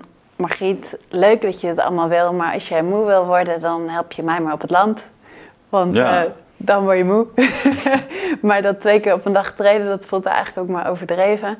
En hij zag inderdaad gewoon mijn worsteling. En ja, uit, ja als, uit, uit liefde van, hè, vanuit Ja. hem als vader had hij zoiets van... Ja, hij wilde het, het beste voor zijn dochter. Alleen voor mij was het op dat moment van... ik, ik had juist dat begrip nodig van Ja. ga ervoor en ik geloof in je. Ja, Maar ehm, hij, hij gaf ook echt die liefde, maar op een andere manier. Waardoor dat op dat moment ehm, Ja. ja. door mij niet, niet als dusdanig ervaren werd. En eh, ja, dat komt eigenlijk in de documentaire. Ehm, eigenlijk ja, ga ik met meerdere belangrijke personen in, die- in die fase in gesprek. Zo ook dus mijn moeder en mijn vader en mijn, mijn trainer en eh oud ploeggenootjes. En waaronder dus ook mijn vader. En ehm, die jaren daarvoor zijn we best wel een beetje uit elkaar gegroeid. Mijn ouders waren gescheiden en mijn moeder Mhm. was juist heel erg ehm, ja, motiverend. En die, die wilde juist ja, me heel erg stimuleren in de sport. En mijn vader had zoiets van, oh, ik zie jouw worsteling. Eh, en, en ik wil eigenlijk ook niet jou daarin nog meer eh, van, van ja, van eh, adviezen in voorzien. Dan heb je er nog weer een adviseur bij. Dus mijn vader die, die trok eigenlijk daarin een beetje terug. Puur uit liefde Ja. voor mij. Ehm, maar in die scheiding ja, verloor ik eigenlijk ook een beetje mijn vader. Want nou, ik was 12 en dat is al net in een puberteit. ja, Ehm, ja, waar dat contact gewoon minder werd. En als je moeder heel erg pro-sport is en je vader niet, dan... Ja, dat was voor mij, had ik zoiets van, ja pap, Ja. ik wil ook graag dat je het, het leuk vindt wat ik doe. ja, En ehm, ja, da- daar komen we eigenlijk tot elkaar in dat gesprek. En ja, ook met dank aan Tom Verheul, de regisseur, en Ismaël Lots, de cameraman, die op dat moment het in beeld brengen. We hadden het gesprek gehad en nog niet het emotionele moment waar jij het nu over hebt. ja, Maar toen, toen vroeg Ismaël van, wil jij alsjeblieft, of willen jullie samen even naar de foto's kijken van vroeger? Want dan ja, hebben we wat, wat plakshots. En op het moment dat, dat dat doen we en opeens komt mijn vader tot het inzicht. Die ziet de foto's en die ziet een meisje met eczeem. En hij realiseert zich dat hij als vader vroeger altijd zijn hand op mijn rug lag. eh, en, en dat hij ja, daarmee eigenlijk mij tot ontspanning bracht. Dat ik geen jeuk meer had. Ja. En hij dacht van ja, die hand, ja. ja, die heb je eigenlijk gemist. En dat was eigenlijk zo'n Ja. mooi moment. Ja, het was een heel mooi moment. ja. En, en ja, dat, dat is voor mij ook. Want op dat moment zat ik daar als, als, als dochter van mijn vader, maar eigenlijk ook als onderdeel van die documentaire. En het was. Maar dat was. Uiteindelijk is. Ja, we hebben een prijs gewonnen met die documentaire, maar dat is uiteindelijk de hoofdprijs. Ja. Ja, ja, dat kan me helemaal voorstellen. Ik vond dat ook echt het meest ontroerende moment hoor. En de hele. Dat, het begon steeds zwaarder te worden naarmate de documentaire vorderde. Dus ik vond dat, ik, ja, vond dat een heel, heel bijzonder moment. Maar ook omdat je, en dat is, dat is wat ik me dan ook wel realiseerde, eh, daar had ik het net over. Eh, je, je gaat dan vol na die scheiding, stort je op dat schaatsen. Dat is weer alsof die- dat je die pijn, wat ik net over had, ga je omzetten in iets anders of zo. Dan, dan, dus dat wordt dan ook ja, een deel van jouw eh, nou ja, carrière, zou je kunnen zeggen. En, eh, en, en, en, en die vader die ziet dat natuurlijk ook. Die, die vindt dat misschien ook niet helemaal gezond.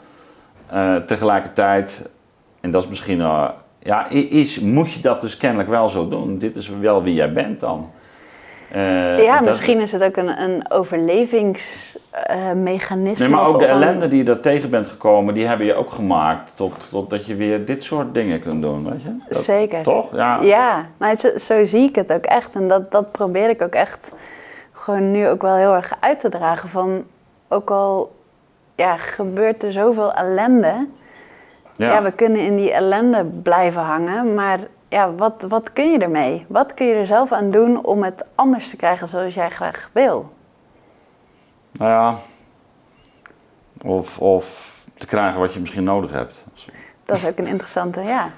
Ja, je- in- in- de hoeverre- Stones, hè? Is dit, de ja, Stones. nee, you can't klopt. always get what you want. Nee, but if you try sometimes, you may find you get what you need. Ja, nee, klopt. Dat is, Dat helemaal, is, eh, en dat is ook weer de vraag van in hoeverre Ja. heb je controle over dingen.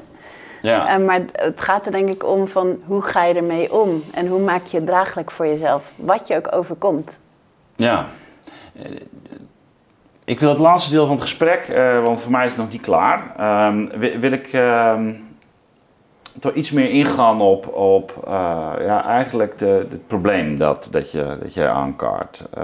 Wat, je, wat je zelf ook al zo even aangaf. Dat je zegt van ja, die, nou, dat topsport is toch wel echt een lifestyle. Dat wordt door bepaalde mensen ook niet, eh, of in onvoldoende mate onderkend. Hoe, hoe, heftig eigenlijk deze wereld is, hoe heftig het stoppen kan zijn. Niet bij iedereen, hè, maar bij sommigen. maar ook wanneer ik nu gewoon kijk naar, naar, de, naar de Spelen nu, hè, eh, of naar topsport nu, en ik vergelijk dat met uh, pak een beet, ja, de jaren 80, 90, dan zie ik wel dat er een enorme uh, professionalisering heeft plaatsgevonden, mondiaal, ook in Nederland. Ook, nou, dat geldt ook voor de, de schaatsport. ik heb daar trouwens ook wel eens een lezing over gehoord van, van volgens mij was het, was het Erwin Wennemars waar hij het had over het verdwijnen van de schaatsen. Nou, hele, maar, maar die zegt, ja, die, ook in die lezing, van de, de, eigenlijk het, het, de druk en de monitoring en de, is, is zo aan het toenemen.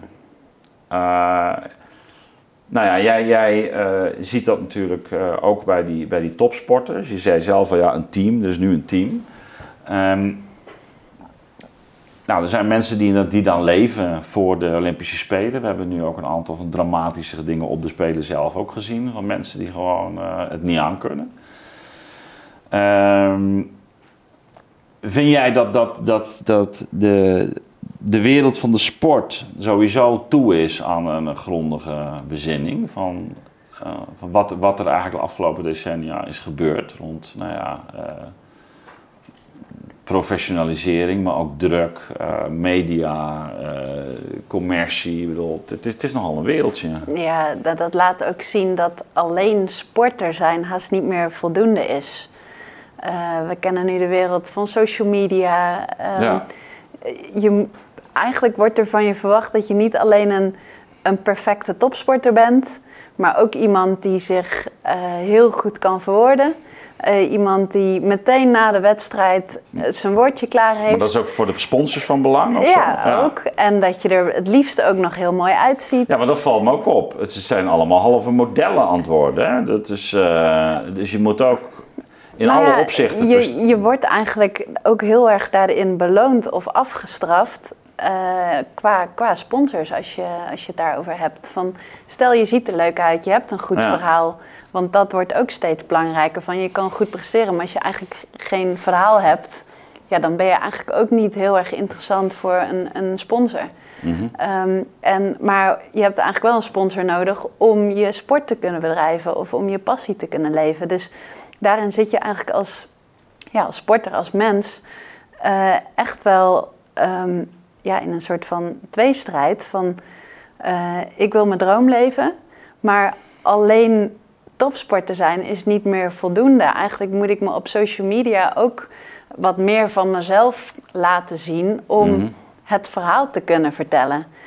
En ja, hoe meer geldschieters je hebt, hoe meer uh, je ook uh, ja, qua, qua faciliteiten je gewoon uh, ja, nou, nou, beter nou, kunt. Nou, bereik je, het is niet voor niets de titel van, van jullie boek, uh, The Secret Balance of, of, of Champions. Nou, ik noemde zo even al een aantal opvallende verschijnselen. Althans, die angst bij 45% van de Olympische sporters, maar ik zag ook drankmisbruik, wat dan toch ook al wat me enorm verbaasde. Ik van, goh eh, echt percentages ook van, van 20, 30 procent. het is ook de, eh, de ontlading en de spanning wat er gewoon bij komt kijken. De belangen. er komt gewoon zoveel spanning bij het moment van presteren kijken. Dat dat ja, haast bovenmenselijk buitenaards is. En dan is er dus niet alleen meer voldoende aan topsporter zijn, maar je moet mentaal ook gewoon haast een robot zijn om dit te kunnen doen. Zie je, je zegt een robot, zie je mensen soms ook uh, gevoelsmatig uh, afstompen? Dat is een soort van. Een interessante uh, vraag vind ik eigenlijk wel van. Um, kun je open blijven staan voor alles en dusdanig presteren? Is dat überhaupt mogelijk? Nou ja, je suggereert al een antwoord te geven.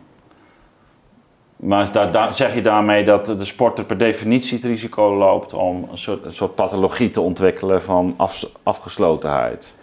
Ja, ik denk dat dat haast mogelijk is. Of inderdaad onmogelijk is om dat, dat niet te kunnen. Je moet je zo focussen op dat ene moment. En tegelijkertijd, dat, dat is dan inderdaad dus ook weer de secret balance. Voor ieder is dat weer anders. En op ieder moment kan het ook weer anders zijn. Want je staat anders in het leven als je al een gouden medaille hebt. Dan dat je nog daar naar op weg bent en het hoopt en je nog moet bewijzen voor je gevoel. Dus er spelen zoveel verschillende facetten. Zit je privé lekker in je vel of juist niet? Ehm, dat, dat kan in relatie zijn, maar ook met familieleden of gewoon in vriendschappen. Alles moet gewoon kloppen. En dat is zo afhankelijk nou ja, van ik, ik kan me ook voorstellen dat, dat, dat, je juist in zo'n eh, zo'n keurslijf of die benauwdheid met die druk, dat de behoefte aan, aan, aan grensoverschrijding, hè, transgressie, dat gewoon eruit, dat dat, dat ook navenant toeneemt. Ja, maar inderdaad ook van als je, eh, je gewend bent om dag in dag uit in zo'n spanning misschien wel te leven, of, of dat je je constant waar moet maken en je stopt met dat leven, waar haal je dan die adrenaline kick vandaan? Want dat is toch, dat is ook gewoon bewezen, dat... is een bepaald gewoon stofje in je lijf wat vrijkomt, um, dat ook wel verslavend kan werken. Um, en vandaar ook dat je gewoon wel afkikverschijnselen ervaart als je, als je stopt. Ehm, dus ja, hoe, waar haal je dan die adrenaline vandaan? En, en sommigen vinden het juist heel fijn dat ze dat niet meer hebben. Maar anderen die blijven een bepaalde honger hebben naar dat gevoel. En ja, waar haal je dat dan vandaan? En dat kan uiteenlopend ja, We hebben gezien dat het bij Maradona is uitgepakt. Hè? Dat, is de, dat is misschien wel een van de meest trieste uh, voorbeelden natuurlijk. Ja, maar, ga, eens na, ga, ga, eens na. Wat, wat voor druk er bij die man komt kijken. Mm. Dit is niet uh, een stad die hem uh, aanbidt. Gewoon de hele wereld aan, aanbidt je. Hoe, hoe, ga je daarmee om? Ja, zeker wanneer je dat niet meer op het veld kan, uh, kan uitleven natuurlijk. Ja. viel me ook op dat bij die zwemmers ook nogal wat mensen depressief raakten echt die, die, die top, topzwermers, Ian Thorpe en zo, dat soort... Als je het hebt over de, de tijd van Pieter van de Hogeband, dan had je de, de, ja, de, de, de beroemde race als het ware tijdens de Olympische Spelen. Dat uh, eigenlijk ja, de, de top vijf van dat moment, uh, waar Pieter dus eentje van was, dat van die vijf dat er uiteindelijk vier uh, mentale problemen hebben ondervonden en eentje uitgezonderd en dat was Pieter van de Dat, dat laat zien dat hij juist die balans als, als mens zijnde en, mhm. en dus ook als sporter zijnde, dat hij dat uiteindelijk heel goed. Um, ja, en wat is, dat, wat, wat is dat dan, die, die, uh, die balans? Hoe zou je dat uh, willen omschrijven? Nou, hoe Pieter dat zelf heel mooi omschrijft, vind ik, is dat bij die anderen, um, die hebben zich geïdentificeerd met de medaille maar op het moment dat je dus geen medaille meer kunt winnen. Dus dat is echt die, dat die prestatiegerichtheid. Ja, dan wordt het echt één groot probleem. Dan, nou, nou, dan ben nou. je de medaille geworden. Nou, nou uh, kan ik mij herinneren dat jij uh, op een gegeven moment een passage uh, beschrijft met een Canadese trainer. wat ook wel heel erg prestatiegericht, nou ja, wat zou ik zeggen, begeleiding was. Waar, waar doel je op? Nou ja, het was een, een, een soort toespraak of zo. Die, uh, die uh, ik weet niet waar ik had gelezen, was misschien zelfs bij de, NOS-bericht of zo. Kan, kan dat? Ja, ik denk dat je het moment bedoelde in de kleedkamer. Ja. Dat, maar dat, dat heb ik zelf als heel positief ervaren. Um, wij als Nederlanders zijn denk ik um, meer een beetje een, een, een volk van eerst zien dan geloven. Ja. Terwijl de Canadezen en de Amerikanen meer zoiets zijn, zijn van, uh, ja, we zijn, zijn weer proud en het is amazing dat je aan topsport doet. En je gelooft erin of je gelooft er niet in. En als je erin gelooft, spreek het uit. En bij ons in Nederland ben je dan al snel arrogant of dan moet je het maar waar zien te maken. Ja, maar het was wel heel prestatiegericht. Ja, en, en dat vond ik bij uh, die passage of dat, dat moment wat er gebeurde in de kleedkamer, dat hij uh, ons allemaal in de kleedkamer toesprak van nu wil ik eigenlijk, of niet eigenlijk, ik wil dat jullie nu uitspreken, ik geloof in de Olympi Olympische droom. Ja. En als je dat niet doet, mag je de kleedkamer verlaten. Ja. En dat was voor mij als nuchtere Groningse, die uh, is opgevoed met uh, nou, eerst zien dan geloven en uh, nou, hè, doe maar normaal, dan doe je al gek genoeg. Ja. Als je dan moet uitspreken van ik geloof erin en ik ben de beste, ja, dat, dat is best wel een drempel die je over moet. Maar dat is voor mij mentaal echt wel een moment geweest van waarschijnlijk andere teamgenoten die kunnen het waarschijnlijk helemaal niet herinneren dat dat moment is geweest. Maar ja, voor, mij, was het juist heel, heel positief. Ja, voor, mij was het juist echt ah, zoiets van. Nou, dat is grappig. Ja, ik moest er nu aan denken, omdat ik dacht van het is eigenlijk wel wel opvallend met zo'n met bij die uh, Pieter van der Hogeband van. Uh, dus kennelijk heeft hij, heeft hij zich niet vereenzelvigd met die medaille of met die prestatie of met. Uh, natuurlijk is dat een onderdeel. Nee, wat bij hem heel erg terugkwam is zichzelf constant in iedere fase weer opnieuw uitzien te vinden als mens. En dat is voor hem de sleutel geweest. Wat, wat zou er nou in jouw ogen uh, uh, om, om die balans ook beter binnen die wereld zelf te bewaren moeten, moeten gebeuren? de, de sleutel is denk ik om op zoek te gaan naar jezelf. In welke fase. Dat klinkt ook wel heel vaag. Ja, dat klinkt, ja. nou ja, als, als we een, een recept hadden om kampioen te worden, dan. Uh... Nee, maar wat, wat, wat uh, dus op, op zoek te gaan naar jezelf. Maar nou ja, het is zo makkelijk om je inderdaad te identificeren uh, als topsporter of als uh, kampioen of als medaille. Stel je wordt Olympisch kampioen, dan ben jij opeens de Olympisch kampioen. Mm -hmm. Wat Yvonne van Gennep bijvoorbeeld ook wel heel mooi uh, vertelde, vond ik in, haar, in het gesprek met haar. Dat ze ook zei van, ik vond het op een duur helemaal niet meer leuk dat mensen mij als de Olympisch kampioen zagen. Want ze zagen Yvonne niet meer. Ja. Ze zagen die Olympisch kampioen, maar waren ze echt geïnteresseerd in mij als persoon. En zij had het idee dat ze alleen maar geïnteresseerd in haar waren omdat zij de Olympische kampioene en de schaatskoningin was. En ik denk als. Ja, ja, ja. Dat is, ik denk wat, wat meer de, de, uh, de strekking is van. Ik denk dat je het optimale uit jezelf kunt halen mm als je je optimale ik bent. Dus als je um, gewoon helemaal jezelf kan zijn zonder enige blokkade of. Um, um, stempel of dat je voor moet doen als iemand anders of, of wie dan ook. Als je volledig uh, autonoom jezelf kan zijn, volledig in je kracht kan staan, dan ben je in balans. en daarom zeg ik van, als je volledig jezelf kan zijn, dan kun je denk ik het optimale uit jezelf halen. Ja, ik denk dat ik wel enigszins nu begrijp eh, de, de richting waar je. En ik, ik, ik vind het ook een mooie gedachte. Het doet me denken aan Parsifal. En die op een gegeven moment uh, de, de, het, het, de Rode Ridder verslaat. En daar eigenlijk de persona mag aannemen van de Rode Ridder. En het blijkt uiteindelijk dat natuurlijk, ook al is die dan die grote ridder en op een goed moment zoveel mensen heeft verslagen, dat hij toch, toch een, een, eigenlijk zichzelf heeft verloren. En dat komt bij die, wanneer, wanneer hij aan de rode, ronde tafel zit en dat, dat, dat, dat dan binnenkomt en uh, hem dan zegt van ja, jij verraadt het, het ridderschap. En dan moet hij eigenlijk, uh, je zou kunnen zeggen, naar de, naar de, de, de, de spirituele of zijn eigen zielsdimensie. Ja. in plaats van uh, dus alleen maar dat doen wat, wat een grote ridder doet, maar ook wie ben ik daarin? Ja hoe sta ik daarin? Ik vond dat bij, bij, bij zo'n Ritsma, alsof die wat, wat, mee, waar we mee begonnen eigenlijk. Eh, voel je dat toch wel een beetje, dat hij zo dicht bij zichzelf is gebleven en, niet, niet uh, zich verloren heeft in het, in het personage, in de persona.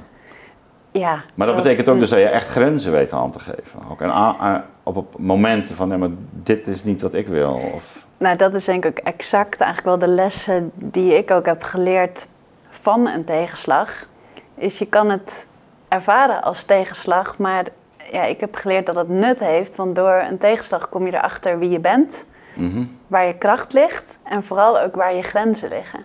En ik denk als je die drie elementen, dus weten wie je bent, weten waar je kracht ligt en weten waar je grenzen liggen, mhm. als je dat kunt samenvoegen, ja, dat, dat dat maakt tot wie jij bent. En ook dat is weer een stempel. En dat kan ook in iedere fase weer veranderen. Maar ik denk als je gewoon daarin ja, mee kunt bewegen in ja, in, in je, je, je drijfveer of je passie, dat is misschien dat, dat is wat makkelijker mee te bewegen. Dat, ja, dat je dan in je optimale kracht staat.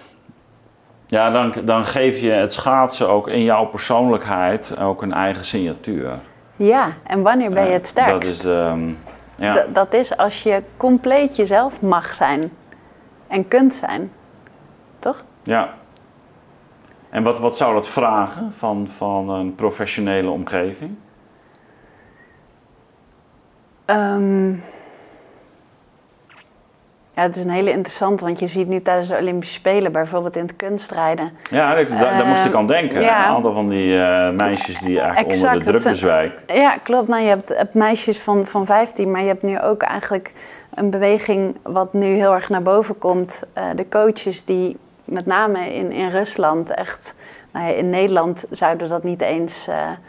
Uh, tolereren. Maar ja, we, hebben natuurlijk die discussie rond de turnen gehad. Exact, maar dat is eigenlijk dezelfde um, ja, achtergrond als het ware. Dat, dat komt eigenlijk daar vandaan. Dat, dat vanuit Rusland uh, hè, is het heel normaal om, om die kinderen eigenlijk af te matten. Te drillen. Ja, te drillen. Oh, wat wij vroeger zeiden van Oost-Europa. Ja, exact. nou ja, dat, dat is daar nu nog steeds. En dat is inderdaad ook een vraag van ja, in hoeverre uh, is het humaan? En, en in hoeverre uh, moet het humaan zijn? En, en ja, dit is gewoon, ja, je beschadigt kinderen gewoon. Ja. ja. En ja, als je dan de vraag hebt van kun je het optimale uit jezelf halen in zo'n cultuur? Ja, zo'n coach zal zeggen ja, want hè, ze behalen de medailles. Maar ik wil niet weten hoe dat meisje erover... Uh, nou ja, ja staat het leven, is dat, wordt het leven geofferd aan de, aan de sport, hè? Is het dan? Dus bij, bij bijna een tribuut, iets, een, een, offer. Klopt. Ja. En dat is wel uh, ja, echt iets waar we wat mee moeten. Goed, ik uh, wou jou danken voor een uh, mooi gesprek, Margriet. En ehm, ik ben heel benieuwd ehm, waar jij over een paar jaar weer staat. Dus ehm, ik gaan zeker nog wel een keer in, in gesprek treden, denk ik.